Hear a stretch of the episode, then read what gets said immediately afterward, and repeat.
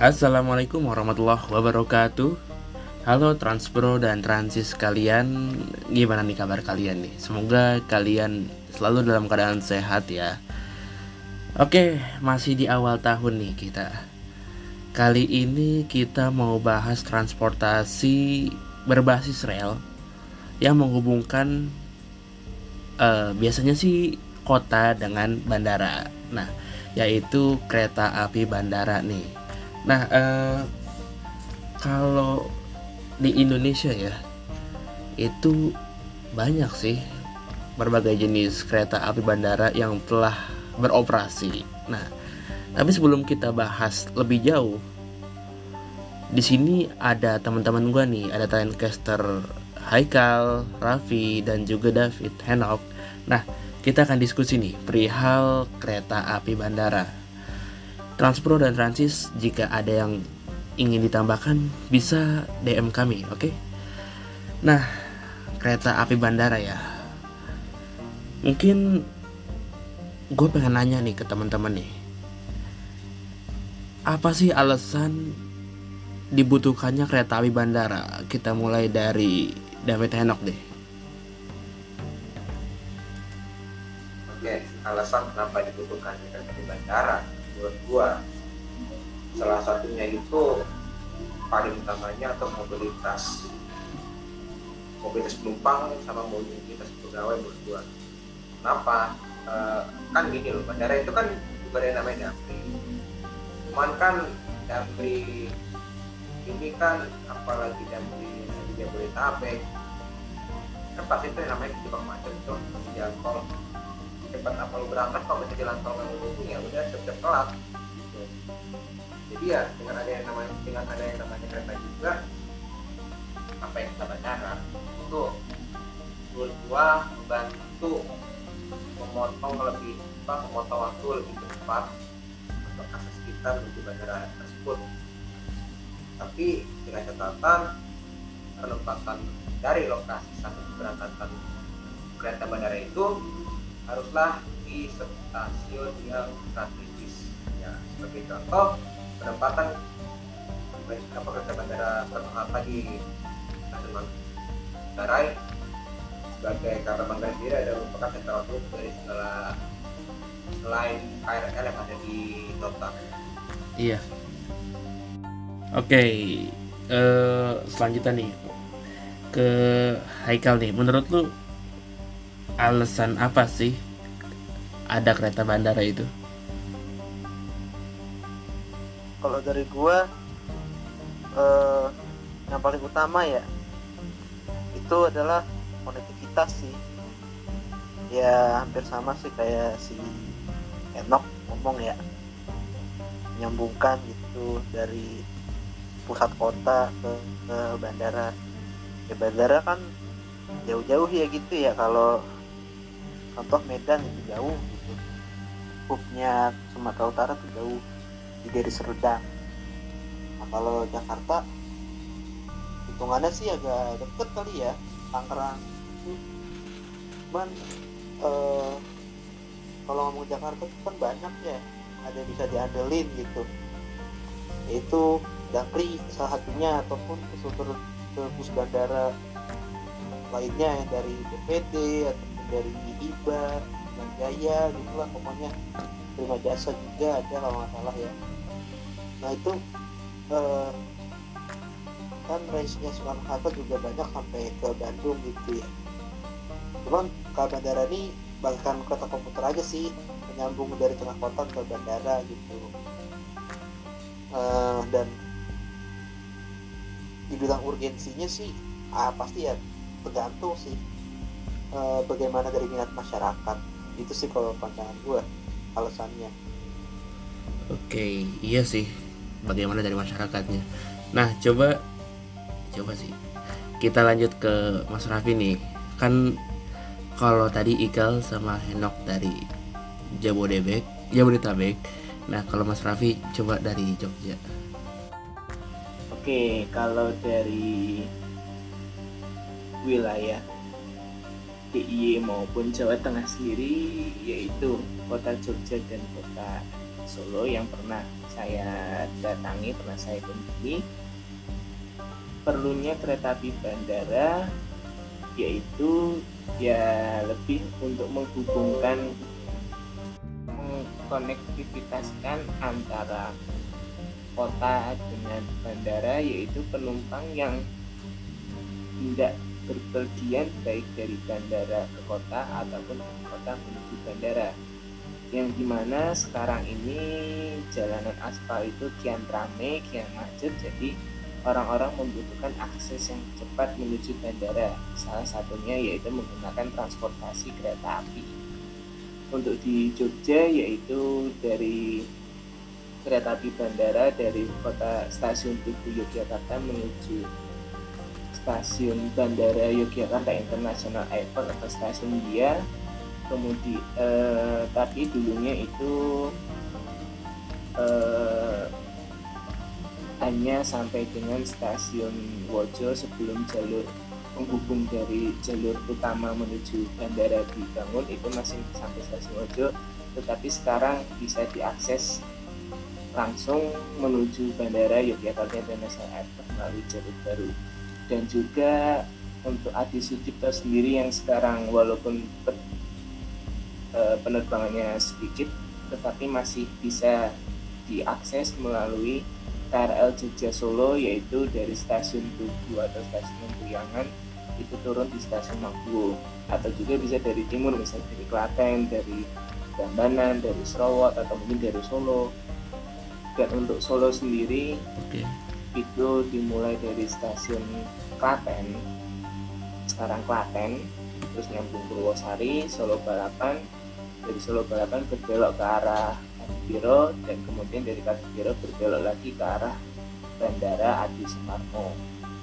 Ya tujuan utamanya ya menghubungkan mengkonektivitaskan eh, pergerakan masyarakat yang yang akan ataupun dari bandara maupun ke kota untuk berpergian lah jadi bisa juga sekarang untuk kendaraan jalanan aspal itu kian padat jadi orang-orang perlahan mulai beralih ke kendaraan berbasis rel Iya, benar.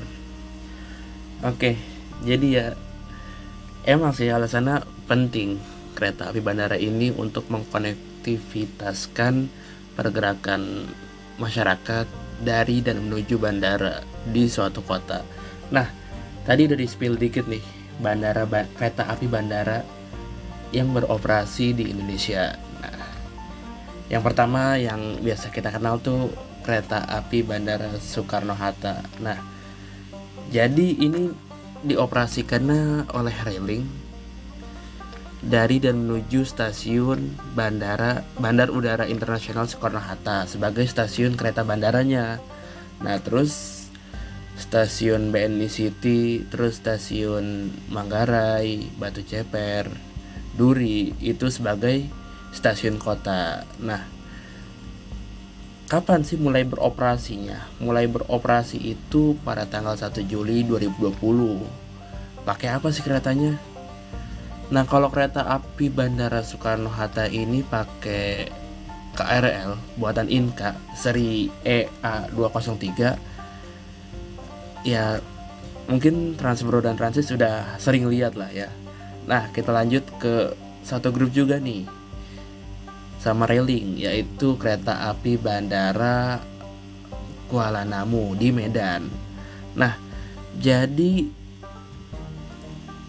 kereta bandara railing Medan ini wow, tujuannya itu untuk memudahkan Transbro dan Transis bertransportasi dari dan menuju Bandara Kuala Namu Medan. Nah, sebagai stasiun kotanya tuh pokoknya di eh, pusat kota Medan ya. Nah, untuk mulai berdiri eh mulai berdiri, mulai beroperasinya itu pada tanggal 25 Juli 2013. Bersamaan sama dibukanya Bandara Internasional Kuala Namu. Nah, eh jadi ini eh gimana ya? Untuk armada yang digunakan itu pakai KRDE atau biasa atau kereta rel diesel elektrik. Nah, pabrikan Korea Selatan, Mujin. Nah, mungkin Transpro dan Transis yang dari Medan nih. Kalau ada yang sering pakai ini bisa cerita-cerita dikit lah ke kita. Nah, selanjutnya kita geser juga nih di Sumatera nih ada banda ada kereta api bandara Minangkabau. Nah, jadi eh kereta api bandara ini dioperasikannya sama beda nih sama eh, kereta api bandara Kuala Namu sama Soekarno Hatta yang mengoperasikan kereta itu PT KAI melalui Divre 3 eh Divre 2 Sumbar nih. Nah, ini tuh mulai diresmiin tuh tanggal 21 Mei 2018 dengan nama Minangkabau Express. Nah, selanjutnya kita balik ke Jawa nih. Ada bandara kereta api bandara YIA. Nah, kereta api bandara YIA. Jadi ya, kereta api bandara internasional Yogyakarta ini merupakan layanan kereta api bandara yang melayani rute Yogyakarta YIA PP. Sama seperti yang dijelaskan sama Mas Raffi tadi. Nah, yang mengoperasikan kereta ini PT Kereta Api Indonesia lewat Daop 6 Yogyakarta.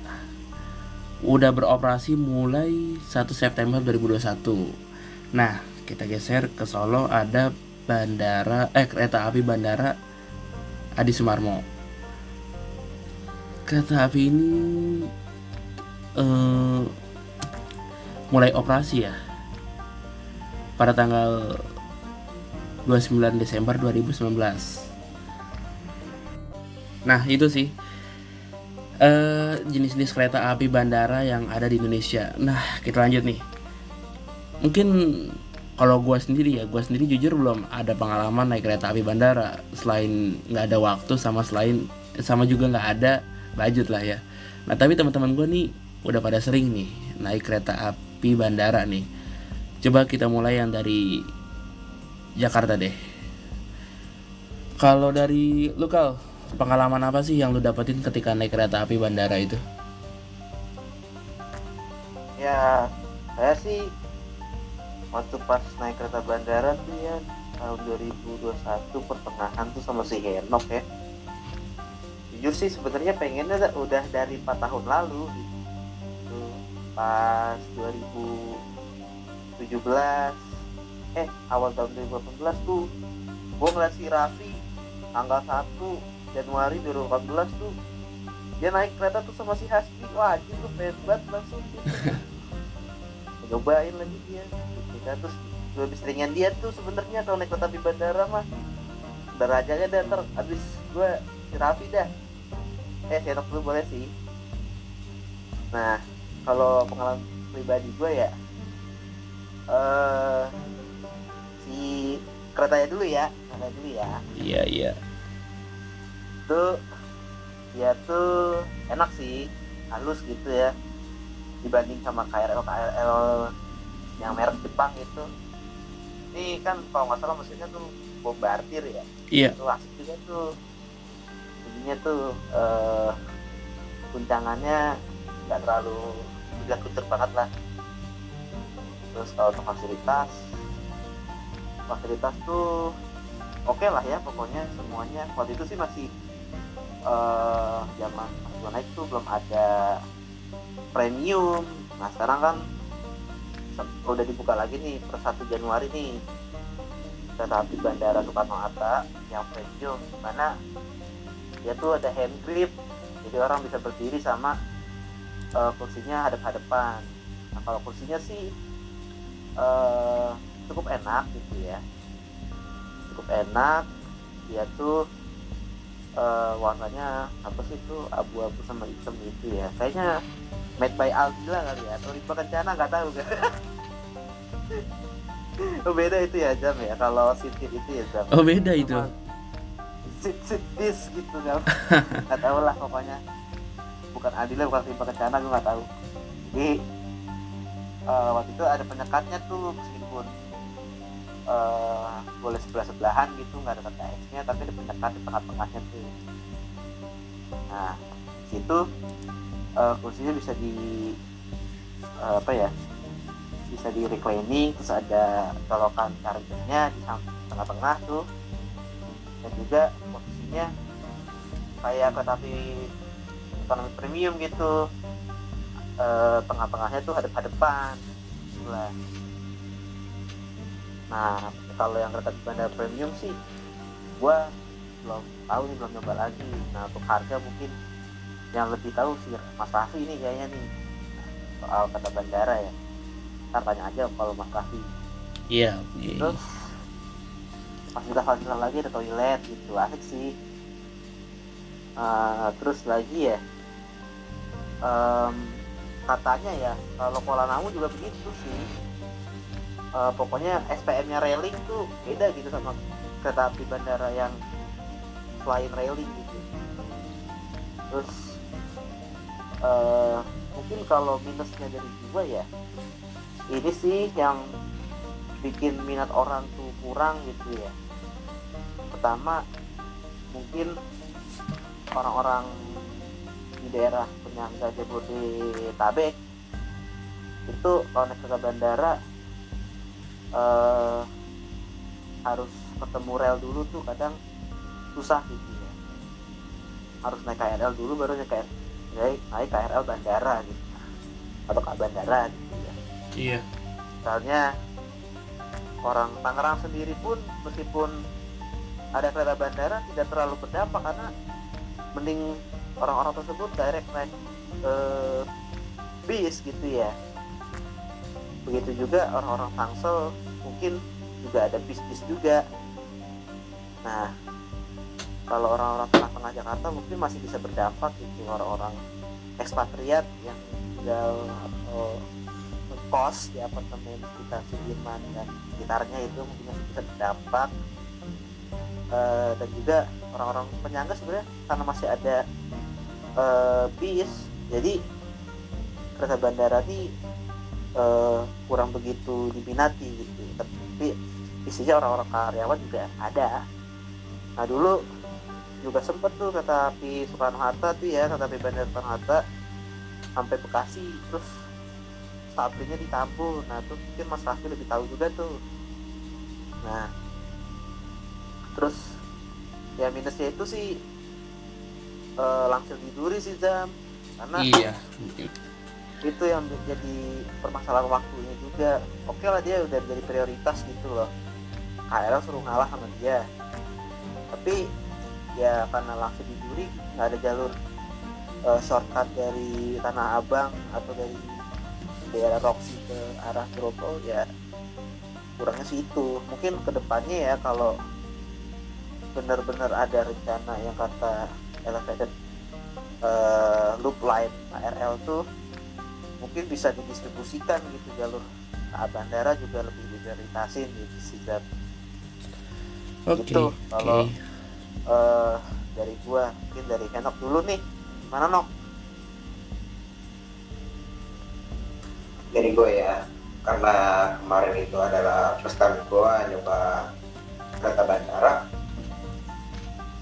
honestly gue mesti bilang mahal tujuh ribu. Setuju tapi dengan adanya tapi dengan beroperasinya KRL premium dengan harga tiga puluh ribu mantai Kermata menurut gua ya terpotong setengah harga lah hampir lah. Menurut masih cukup gitu. Tapi dengan dengan apa ya minta maaf gitu ya dengan kereta yang dulunya dari yang dulu dari Bekasi akhirnya pindah ke Manggarai itu buat gua sorry to say lu, lu orang Tambun dan ke bandara gimana caranya gitu. Satu. Yang kedua orang Bekasi kalau misalnya bukan Soekarno Hatta kok menakutkannya adalah kalau dalam kota. Kalau dalam kota macet ya jam-jam berangkat kerja. Ya udah lu bandara selesai atau start. Soalnya dari Bekasi ini menurut gua masih bisa diandalkan masih. Cuman kalau misalnya ketemu jam jam-jam rame ya udah selesai. Mana terus juga dulu ada yang namanya taksi bandara. Taksi bandara kamu pakai taksi dari bandara dari Bekasi ke Hatta itu menurut gua bakar uang banget gitu. Kalau itu mau sendiri pergi. Betul kalau itu pas kiri pergi itu bakar uang banget naik taksi apalagi naik komprengan dari Cawang. Ingat gua ada tuh. Di, di Cawang BNN ada tuh komprengan dari Cawang ke bandara. Itu mau bakar uang sih. Apalagi eh, terus orang orang kerja. Dan akhirnya orang-orang yang kerja di Bandara Soekarno Hatta yang tinggal di kota penyangga seperti Bekasi, Cibubur, Bogor, akhirnya mau nggak mau kita mau kemudian jadi pekerja bandara gitu. Kita juga kebakar tujuh puluh ribu atau mungkin delapan puluh ribu cuma buat sekali sekali jalan doang gitu. Tapi honestly dengan adanya premium ini. Menurut gua kereta bandara itu tidak hanya digunakan sebagai angkutan para penumpang para calon penumpang pesawat tapi bisa digunakan sebagai opsi bila mana untuk pekerja-pekerja di Bandara Soekarno Hatta pergi gitu dari dari dari apa dari rumahnya dari rumahnya atau dari dari rumah atau dari kosan dari Bandara Soekarno Hatta juga gini eh, waktu itu gue pernah ikut uh, fokus grup apa grup discussionnya Mhm. sama Yati Iya. Ikatan Abdi Bandara Indonesia di salah satu segmen gue mendengar ada ada seorang pakar bandara juga berbicara seperti ini. Dengan adanya kayak apa eh, inti intinya tuh eh, soal pembangunan terminal di Bandara Soekarno Hatta. Terminal ini minggu soal terminal 4 jadi ini dia apa mengusulkan sebuah ide di mana terminal Soekarno Hatta itu tidak lagi ditempatkan di Bandara Soekarno Hattanya tapi bisa ditempatkan di pusat kota di downtown apa downtown ya sampai Firman kata dia seperti itu. Ya gimana ya? Orang kalau misalnya mendengar kata terminal berarti itu ada ruang tunggu ada ruang check in dan ada penyimpanan bagasi. Mungkin yang dimaksud sama pakar bandar apa pakar ahli bandar ini pria itu memindahkan eh, istilahnya memindahkan si ini ya loh siapa si sistem apa? Istilahnya inti dari terminal kegiatan boarding nah iya kegiatan boarding check in check in nah ya Nah, memindahkan kegiatan check in itu ke pusat kota. Jadi eh, penumpang itu nyampe bandara itu cuma tinggal naruh naruh doang itu naruh doang buat buat bagasinya gitu. Nah memang oh paham paham nah memang sistem seperti itu ternyata sudah sudah diterap apa nggak tahu deh pernah atau sekarang diterapkan di bandara di Kuala jadi penumpang yang naik apa penumpang yang naik maskapai tertentu dikasih privilege buat check in di stasiun stasiun Medan. Jadi penumpang yang check in di stasiun Medan tinggal naruh bagasi aja ke Kuala Namu gitu. Cuman gue kurang tahu nih apakah sistem itu masih diterapkan atau enggak gitu. Nah lebih menurut- seamless ya?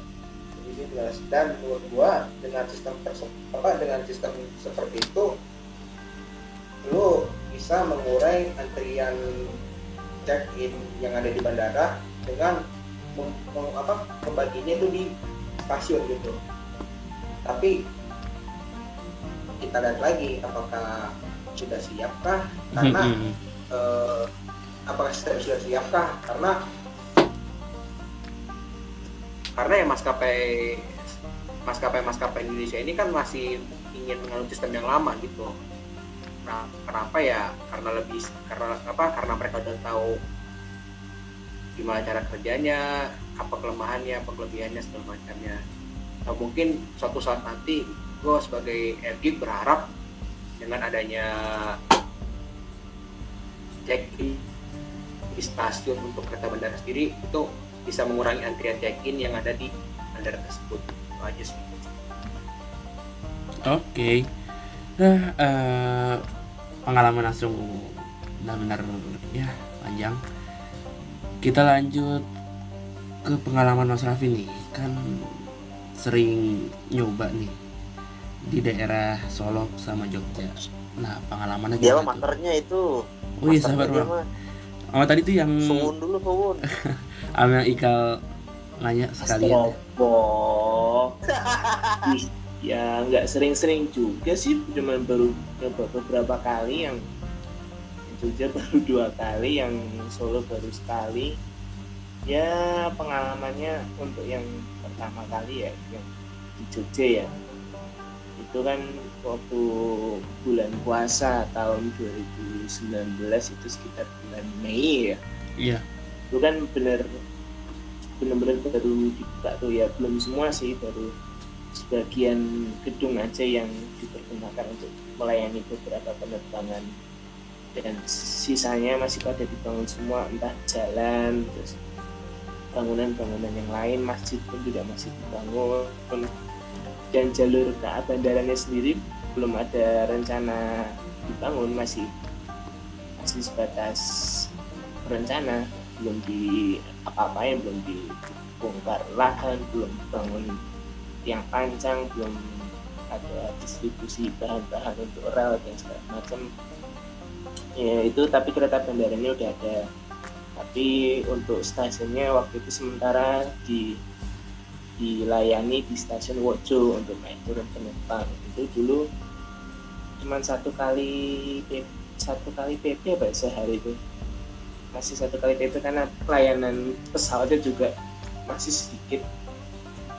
Dan pelan-pelan ketika mulai rame mulai meningkat juga eh, layanan kereta di bandara ditambah dan juga rutenya diperpanjang di- dari Jogja, Wates, Wojo diperpanjang lagi sampai Kutoarjo mentoknya itu Kebumen. Karena memang belum ada jalur langsung menuju bandara jadi sekalian diperpanjang sampai Kebumen agar mungkin di masyarakat di wilayah barat yang mau ke bandara YIA juga bisa mengakses. Dan untuk membantu penumpang juga jika kehabisan tiket maka beberapa kereta juga diberhentikan di stasiun Wojo seperti Prambanan Express atau Pramex. Kemudian Joglo Sumarketo itu juga berhenti di stasiun Wojo tapi nggak tahu untuk sekarang untuk Joglo Sumarketo apakah masih berhenti apa enggak yang tapi untuk Pramex masih.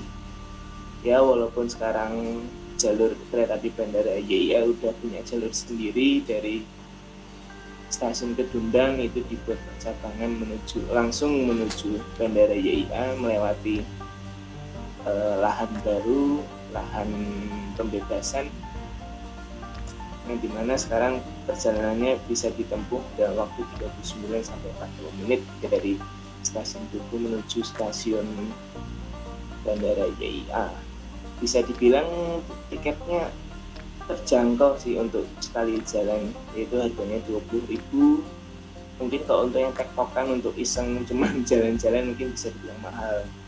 Ya kalikan aja 20 kali dua berapa? Ya itu bisa dikatakan mahal. Tapi kok untuk benar-benar orang yang sekali ke sana untuk naik pesawat itu bisa dibilang murah. Timbang angkutan lainnya menuju bandara iya dan untuk yang Bandara Adi Sumarmo itu mulai ada sekitar Desember 2019 atau awal Januari 2020 gitu itu baru ada. Iya. dan jalurnya juga baru jadi rentang tahun segitu bulan segitu. Itu pertama kali ya melayaninya Solo Balapan Adi Sumarmo berhenti di stasiun Kadipiro. Nah di stasiun Kadipiro itu stasiun percabangan menuju Bandara Adi Sumarmo dan juga menuju stasiun Salem atau Bablas sampai Gelumbung dan uniknya untuk kereta Bandara Adi Sumarmo itu setelah stasiun Kadipiro itu bersebelahan atau berjejeran langsung dengan jalan tol Solo Mojokerto. Kurang lebih sekitar 2 sampai 3 kilometeran lah kurang lebih gak tahu pasnya berapa tapi lumayan lama gitu persebelahan kemudian menjelang bandara karena menjauh dan mulai belok ke arah Oh. bandara dan sekarang karena okupansinya juga mulai penuh layanan kereta di bandara pun diperpanjang sampai dengan stasiun Klaten untuk mengakomodasikan penumpang pesawat yang mungkin dari Klaten atau dari sekitarnya yang akan ke Bandara Adi Sumarmo bisa menggunakan kereta api bandara dari stasiun Klaten. Ya waktu tempuhnya sih bisa dibilang juga cepet sih kalau yang dari stasiun Solo Balapan tuh yang di peron khusus itu sekitar eh, 20 sampai 30 menitan kalau yang dari Klaten mungkin sekitar 40 sampai 50 menit men- untuk menuju ke bandara. Lumayan ya. Adi Sumarmo-nya karena memang jauh sih Klaten tuh. Jauh dari Solo dan lumayan lumayan jauh.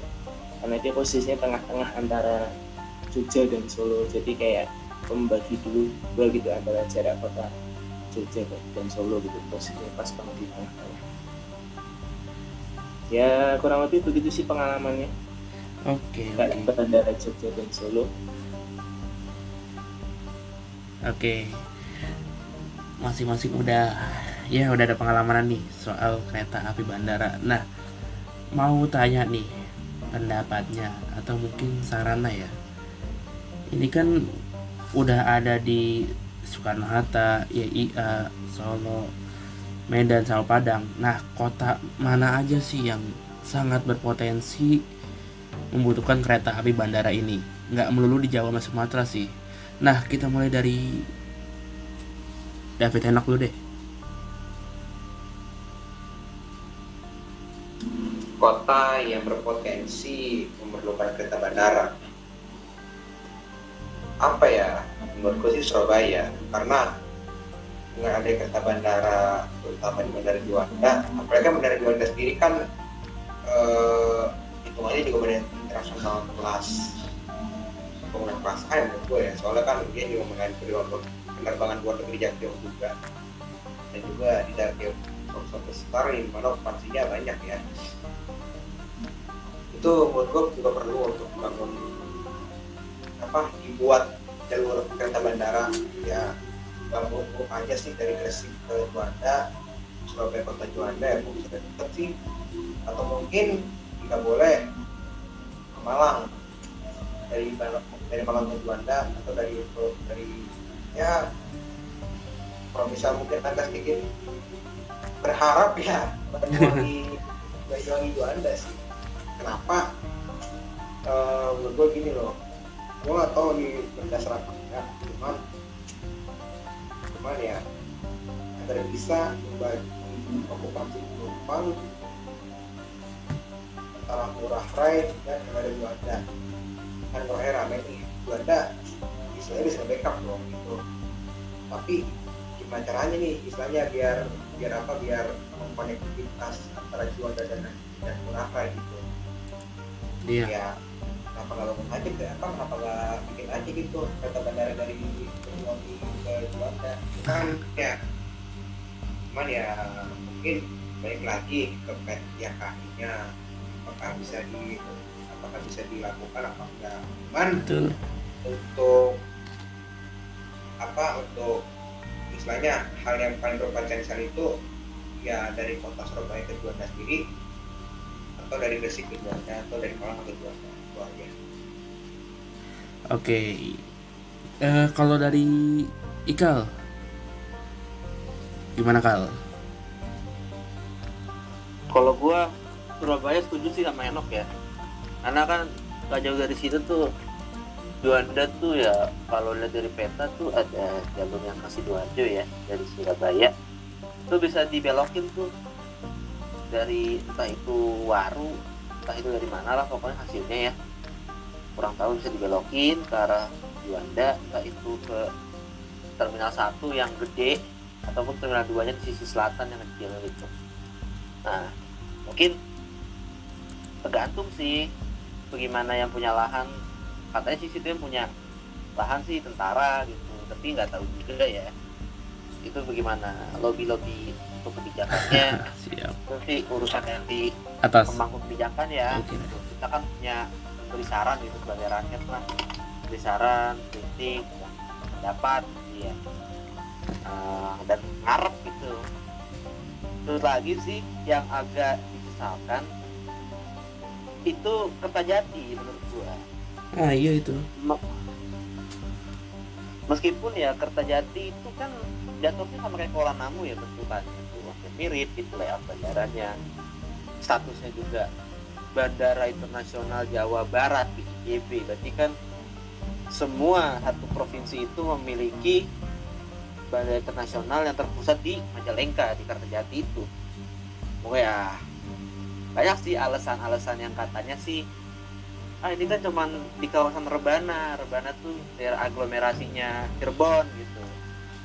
Ya mungkin mana posisinya begitu ya cuman gini sih kalau prinsip gue ya di mana di situ ada rel yang terkesannya bisa gitu berpotensi rel existing gitu. Berpotensi disambungkan dibikin cabangan jalur baru eh, ke sebuah bandara itu bisa. Buktinya aja Jogja bisa gitu loh. Kenapa kawasan yang lain nggak bisa gitu. Nah yang agak disayangkan itu eh, Kertajati dia gue tahu sih dia tuh dibangun sama eh, hasil kos atau dananya dari provinsi ya. Zaman sebelumnya Ridwan Kamil. Berhasil lah di zaman Pak Aher sama karyawan. Itu eh jadi sih jadi gitu. Hanya sebagai fisik. Dan juga akses tolnya itu juga saat, saat itu dulu ya masih cuma keluar exit tol dan lewat jalan kayak jalan provinsi terus tiba-tiba ada pintu masuk gede. Nah sekarang baru ada akses langsung tol gitu interchange barunya dimodif Eh, interchange dari arah Bali masuk ke eh, kawasan Kertajati dan ngomongin efek Kertajati ya. Eh, dengan segala konektivitasnya dan di situ ada tol Cisumdawu di mana daunya itu dauan yang dekat Kertajati itu eh, mau dibikin konsep perencanaan masa depannya itu dibikin airport city gitu atau aeropolis dan lain-lain lah sebutannya lah gitu. Eh habis itu sih sebenarnya eh kalau kata gue ya di mana namanya tuh? Kertajati itu ya. Kan dulu tuh Belanda tuh punya rencana menyambungkan dari eh, rel Tanjung Sari ke rel eh, mana namanya tuh? Daerah Kadipaten ya daerah Iya. Majalengka. Nah mungkin kalau misalnya plan itu dulunya benar terjadi dan bisa disambung ke ke mana namanya? Ke daerah eh, mana sih sebutannya tuh ya? Kertajati gitu ya daerah situlah pokoknya. Daerah Kadipaten Majalengka itu. Mungkin bisa gitu sih ya, tapi kan ya lebih realistis aja dari arah eh, rel utara deh relnya Pantura deh ini arah Daob 3 itu lah Cirebon. Paling realistis itu. Nah terus kota berikutnya lagi karena rel tuh cuman ada di mana namanya Jawa dan Sumatera gitu ya. Memakai rel existing sih. Kata gua Lampung gitu ya. Lampung tuh benar. stasiun Beranti itu dekat sama Radio Inten dan mungkin kawasan tersebut bisa dibikin semacam eh, integrasi antar moda ataupun kawasan nggak usah ujuk-ujuk kayak airport city lah atau kawasan TOD-nya TOD ala airport itu mungkin bisa sih kalau kajiannya juga kuat gitu memang sih ada rencana-rencana yang sudah mau matang gitu. Tapi tidak terlalu digaungkan seperti di Jawa gitu. Kalau Jawa kan cepet banget sih ya. Nah itu sih menurut gue Lampung gitu bisa terkoneksi. Nah sebenarnya Palembang kan udah ada ya kata bandara tapi berbentuknya kereta perkotaan. Karena Mm-mm. dari Kertapati udah nggak bisa mentok nih nggak bisa ke mana-mana gitu loh. Eh, mau sambung ke mana lagi nggak bisa gitu jadi dibuatlah namanya LRT dan menurut gua kalau misalnya konsep kota bandara ini bisa dibuat tidak pakai rel existing atau membuat rel baru gitu ya bentuknya rel uh, jalur kereta perkotaan macam kota ringan alati dan segala macam itu Bali mungkin bisa gitu ya dari daerah uh, Kute ke Ngurah Rai tapi tidak juga potensi-potensi demandnya gimana gitu dan juga hmm, mana ya? Makassar mungkin bisa. Ya karena ada bypass di situ ya. Mungkin sih itu pendapat gue aja. Kalau daerah-daerah Kalimantan ya gue kurang begitu tahu. Mungkin sih balik papan bisa cocok bisa enggak. Tapi yang berpotensi sih Bali sih. Kalau dari gue tuh Bali Bali ya. ataupun Lombok mungkin bisa gitu kadang eh, serunya itu sebuah kata bandara tuh menurut gue ya kalau posisi bandara jauh banget gitu nah itu terasa naik kereta bandara oke okay, gitu. Gitu sih Zah. Oke. Okay. kalau dari Mas Raffi nih potensi kota mana aja nih yang perlu ada kereta api bandara? Kalau dari saya ya potensi kereta bandara seperti Semarang. Kemudian itu apa Cirebon apa apa ya? Maksudnya dia tuh Cirebon atau Indramayu pokoknya Jawa Barat mendekati perbatasan. Iya. Atau Kertajati itu itu juga potensi. Jadi menghubungkan dari kota terdekat misalnya Cirebon atau kota mana itu yang mau ke Bandara Kertajati itu bisa menggunakan kereta untuk menunjang akomodasi gitu untuk memancing masyarakat jika ingin pergi bisa menggunakan kereta menuju bandara. Kemudian untuk kota lain di Sumatera sebagian hampir udah ya hampir ya belum semua sih. Mungkin ini yang di Sulawesi ya. Yeah. eh, Pare itu Pare atau Makassar itu kan juga sekarang lagi dibangun jalur kereta api itu nah harapannya ya semoga di Sulawesi nanti nggak cuma fokus untuk kereta barang aja kabarnya. Kan di sana juga pakai standar coach 1435 jadi untuk mempermudah angkutan kereta barang berwarawiri di Sulawesi. Dan harapannya juga kereta bandara juga dibangun atau dioperasikan di sana dan sekedar info aja kan untuk sekarang ini kan bandara Yogyakarta ya itu kan masih menggunakan KRT ya. Nah depannya nanti jika proyek elektrifikasi jalur kereta berlanjut ke arah barat itu sampai Kutoarjo itu juga bandara juga bagian jatah. Dan itu juga bisa dilihat di sepanjang e, rel layang mulai dari Kedundang sampai bandara itu di samping pembatas betonnya itu terdapat kotak-kotak kosong itu yang disediakan untuk space penanaman tiang penyangga apa tiang penyangga LAA gitu. jadi ya ke depannya bandara Jogja itu juga bakal menggunakan KRL mungkin aja pesan baru ke Inka ya karena yang di bandara Sia juga udah full order ya udah udah pas gitu loh iya benar untuk untuk dinas dan juga untuk cadangan ya kurang lebih potensinya kota-kota itu sih yang yang saya lihat untuk ke depannya yang bakal cocok untuk dijalankan kereta bandara. Oke okay, oke, okay. iya sih benar. Jadi kayak kota-kota besar Semarang, Surabaya, Bali udah butuh sih kereta api bandara. Nah sebagai penutup nih, eh, kritik, saran sama harapan deh dari lu semua nih akan kereta api bandara. Dari Ikal. Uh, gua kalau kritik cukup banyak ya. Pertama, yang utama banget untuk orang Jakarta itu KA Bandara Suta itu nggak langsir duri itu kepinginan. Mungkin hampir semua orang gitu ya. Pasti. Uh -uh. terus juga uh, bandara Suta nggak mahal. Kan suka dikatain tuh angin ekspres atau pocong ekspres gitu kan. Nggak ada isinya? Ngakak sih. Iya. Eh, bawa angin doang gitu. Ya mungkin salah satu alasannya tuh langsung diuri gitu sih. Makan waktu juga. Kan namanya ekspres tuh kan diuji kecepatannya gitu. Eh, terus sih permasalahan tentang ini ya railing sih sebenarnya agak-agak melipir ke internal ya. Ini kan kata denger-denger ada isu-isu gitu. Bandara mau diambil alih sama komuter lain gitu. Nah, gue nggak tahu sih. Sama Mm-mm. nah emang se- semenjak KAI nge-branding baru 2000 berapa sih? 2020 ya?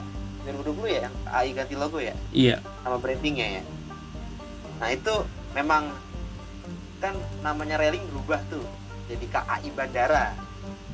Nah itu menurut gue ya eh, katanya sih kok nggak railing lagi? Nah, memang tetap railing gitu tapi railing ini kan cuma dua dua ini doang ya dua laluan gitu ya.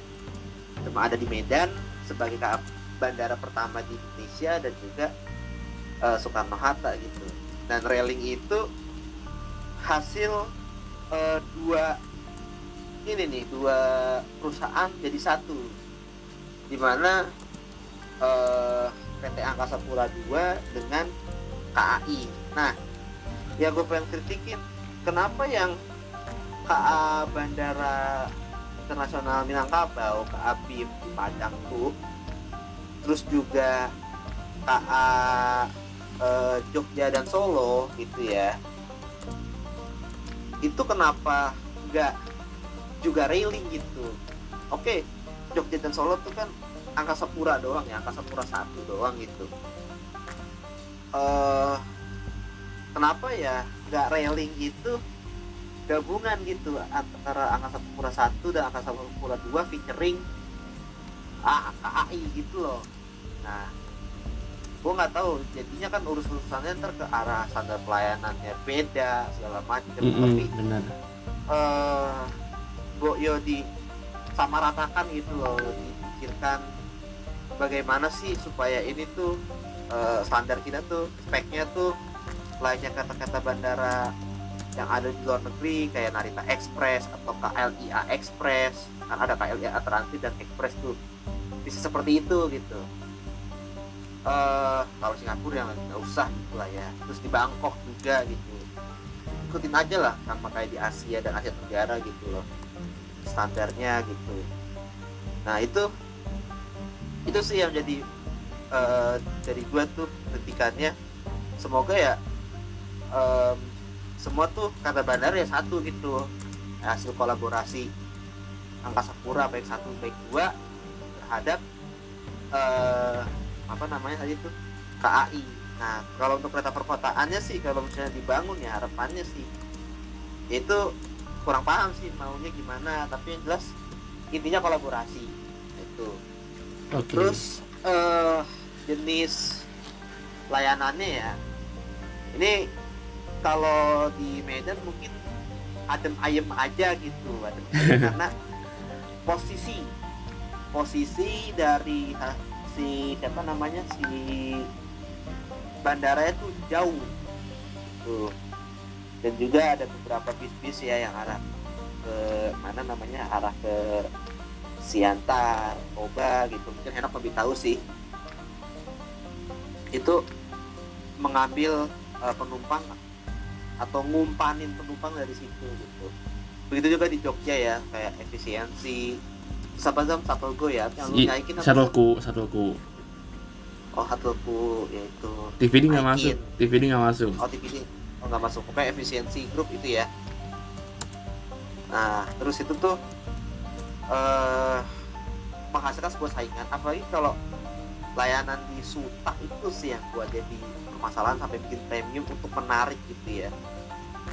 Sebenarnya pengennya sih jangan terlalu mahal gitu lima puluh ribu atau 35an gitu. Ya pokoknya dibuat seterjangkau mungkin tapi memang harganya mahal karena ini kereta ekspres gitu. Eh, oke sih gue nggak masalah sama kata jenis premium atau eksekutifnya si Bandara Suta ya. Tapi ya itu sih eh, pelayanannya lebih dicocokkan lagi gitu loh. Karena kan sekarang banyak kan orang naik tuh demi untuk menghindari transit-transit. Misalnya orang-orang dari eh, Bogor mau ke Tangerang atau dari Bekasi ke Tangerang atau dari utara kota Jakarta mau ke Tangerang gitu ya. Daripada pokoknya ketemu Manggarai lah daripada eh, transit Tanah Abang transit Duri atau gitulah pokoknya lah ya. Ah mending langsung naik aja sekali bayar agak mahalan dikit terus sampai bagi DPR nah mungkin emang harga ah, ke bandara sama tarif yang bukan non bandara agak beda. Gitu sih. Oh, Eh, Oke. itu kalau ketika gue gue banyak lagi sih kayak apalagi ya. Memang sih kata bandara tuh ada yang bilang juga jauh gitu harus nah, kenapa sih ngambil dari Tangerang dulu? Padahal emang kajiannya dulu ngambilnya dari arah Fluid. Ya mungkin salah satunya harganya sudah mahal tanahnya di sono ya but anyway udah jadi ini kok. Tinggal kita aja yang ngaturnya beres atau kagak gitu kalau dari gue gitu. Terus kalau saran ya gue dapat insight juga nih soal dari Enok tadi tuh yang soal check in yang kata terminal 4 tuh bisa di tengah kota yang sebenarnya tuh artinya tuh eh, implisit gitu tersirat yaitu di mana check innya di kereta bandara di terminal atau stasiun kereta bandara begitu cus nyambung apa namanya eh, Skytrain langsung ke boarding di salah satu terminal bandara. Tapi sayang ya Skytrain masih belum jalan emang. Aduh bingungin lah tuh dibanding harus naik apa sih tuh angkutan yang bis gudlak gudluk itu? Waduh parah iya bener. tapi ada yang Big Bird itu bayar 5000 terus juga denger dengar sih desas-desasnya mau ada Royal Trans di situ untuk pengumpan eh, shuttle tapi ya belum tahu sih. Semoga sih yang penting Skytrain sih. Di roda karet itu. Itu kritik juga tuh. Nah yang check in itu mungkin bisa diterapkan di mana-mana ya kayak di mana mana Medan tuh ya. Mungkin bisa diterapkan gitu. Karena sama-sama railing. Dan juga em, tempat eh, nunggunya atau terminal atau stasiunnya lah gitu. Konvers lah sebutannya beda gitu. Sama yang eh, kereta KDP atau kereta lokalnya gitu ya. Eh, terus lagi mungkin di Solo bisa. Tapi ya lagi tergantung dari PT-nya ini kan PT KAI Tok gitu loh. Nggak ada kayak kolaborasi. Jadi ya cuman ngangkut penumpang aja dari sini ke situ gitu dari stasiun ke bandara gitu. Tujuannya kan begitu. Dan ada integrasi atau yang eh, melakukan istilahnya mempermudah lah ya hal satu integrasi eh, akses pembayaran supaya lebih seamless dan lain-lain lah gitu terus juga sarannya lagi sesuai apa yang kata Mas Afi ya.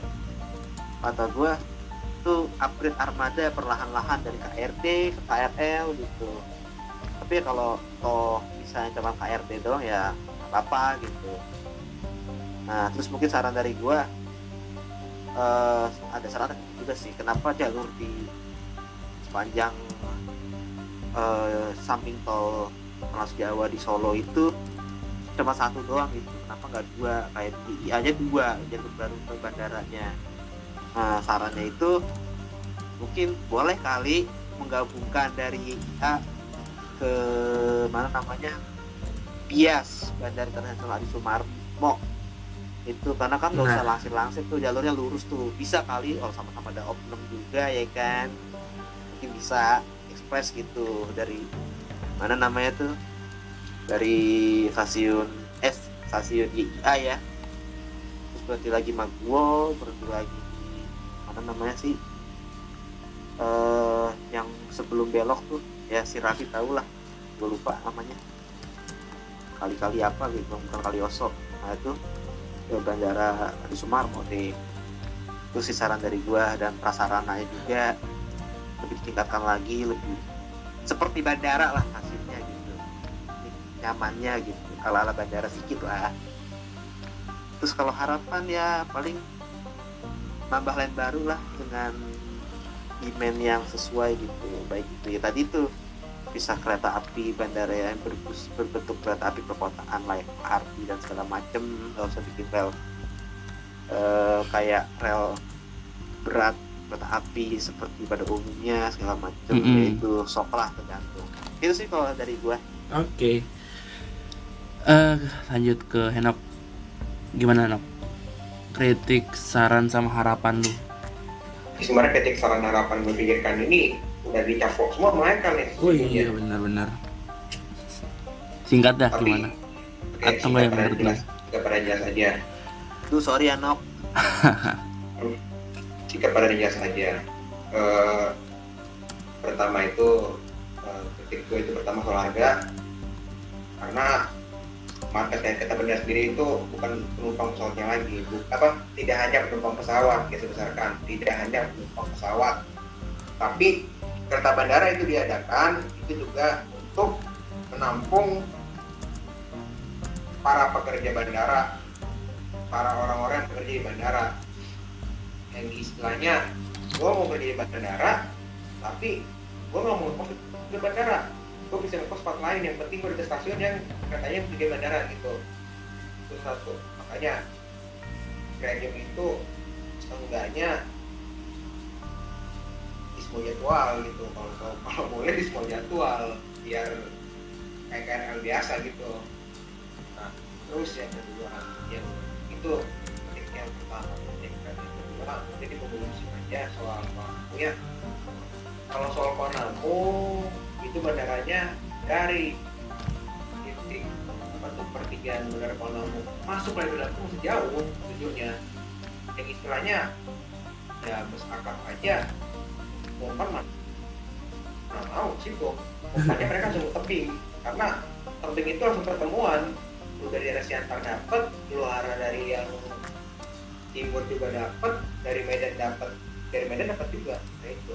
Jadi sejujurnya gue belum pernah ada mendengar kabar ada apa ada akap ambil akap Sumatera akap Medan khususnya ambil numpang sampai masuk dalam Sumatera itu kan ada Sumatera Bandar Panamu belum ada. Nah eh, apa lagi kritik gue ya itu tadi sih soal sistem check-in di stasiun. Sejujurnya check-in di stasiun sendiri sudah diterapkan tapi nggak tahu apakah masih lanjut apa enggak di, di stasiun Medan. Waktu itu hanya maskapai tertentu aja maksudnya itu Garuda nggak salah. Jadi kita di kita tunjukin tiket Garuda kita check-in di sana bisa dapat tiket gratis. Apa silence naik gitu. Cuman nggak tahu deh itu masih berlaku apa enggak. Cuman sedengar gua ada yang bilang seperti itu sistemnya. Wah masih ikut sektoral. Iya makanya makanya menurut gue dengan adanya pemindahan check-in ke apa pemindahan check-in ke stasiun ini itu tadi sih mengurangi antrian apa mengurangi antrian apa antrian antrian check-in di bandara. Cuman eh, soal ini soal teori pemindahan terminal dari bandar dari wilayah bandara kota itu mungkin gue masih bingung. Masih apa masih ngabu-ngabu lah. Salah satunya sih apa sistem kayak gini ya. Cuman untuk apa untuk fisiknya itu apakah apakah nanti di bandaranya itu hanya untuk ruang tunggu aja? Apa di bandara bandara itu hanya untuk ruang tunggu aja? Atau eh, kayak gimana ya? Gue ngejelasin itu kayak kayak model bandara-bandara di luar gitu. Jadi dihubungi oleh kereta apa? Oleh kereta-kereta gitu harus kayak tren gitu. Cuman mungkin masih belum dapat lah apa eh, gimana penerapannya nanti kita tunggu aja. Semoga diterapkan itu satunya yang kedua eh, ya selanjutnya itu apa ya eh,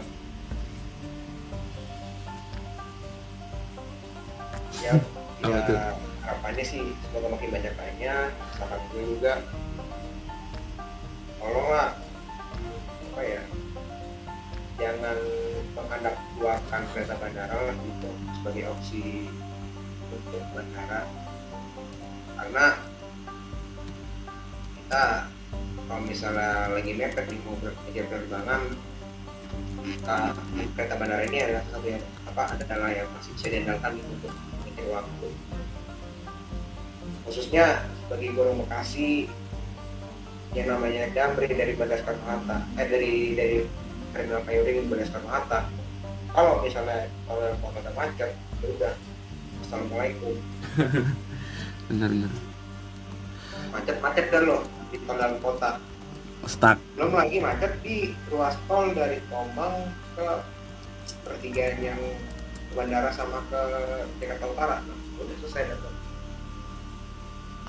oh peluit peluit nah itu.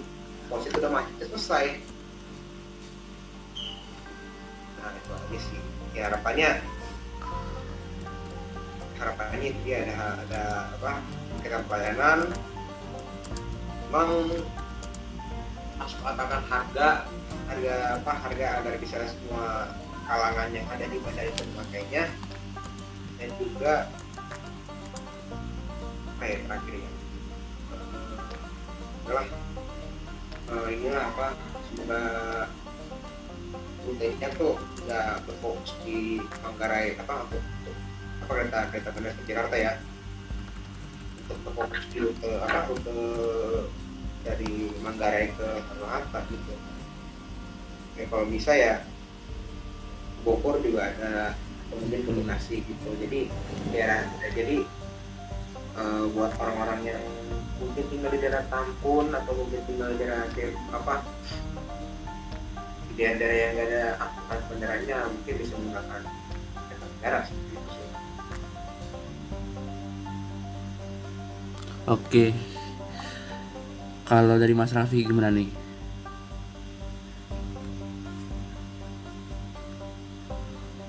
Eh, kalau dari aku kritik dan saran ya hampir sama sih dari yang pendapat sebelumnya untuk beberapa kereta bandara yang mungkin belum dapat subsidi semoga bisa diajukan ke Pemda atau mungkin ke Pempus untuk diberikan subsidi karena memang bisa dibilang tarif tarifnya lumayan mahal juga untuk beberapa kereta bandara yang dulunya dipegang railing sekarang udah dipegang KAI bandara. Dan untuk kereta bandara lainnya yang udah dapat subsidi yang dikelola oleh KAI langsung itu semoga bisa bertahan dan peminatnya semakin banyak.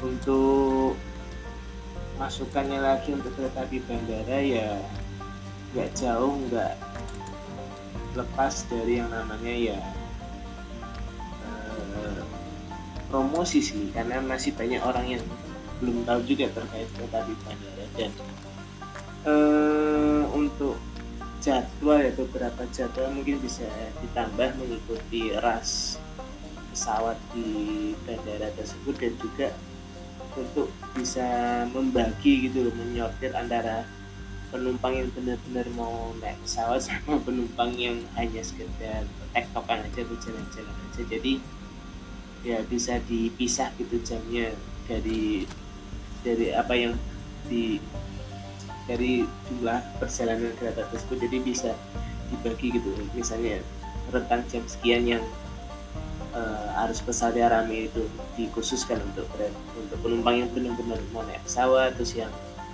ras pesawatnya agak lenggang bisa di bisa diisi oleh penumpang yang hanya tektokan saja. Mungkin untuk kuota tiket mungkin ya lebih ke kuota tiket kereta apinya.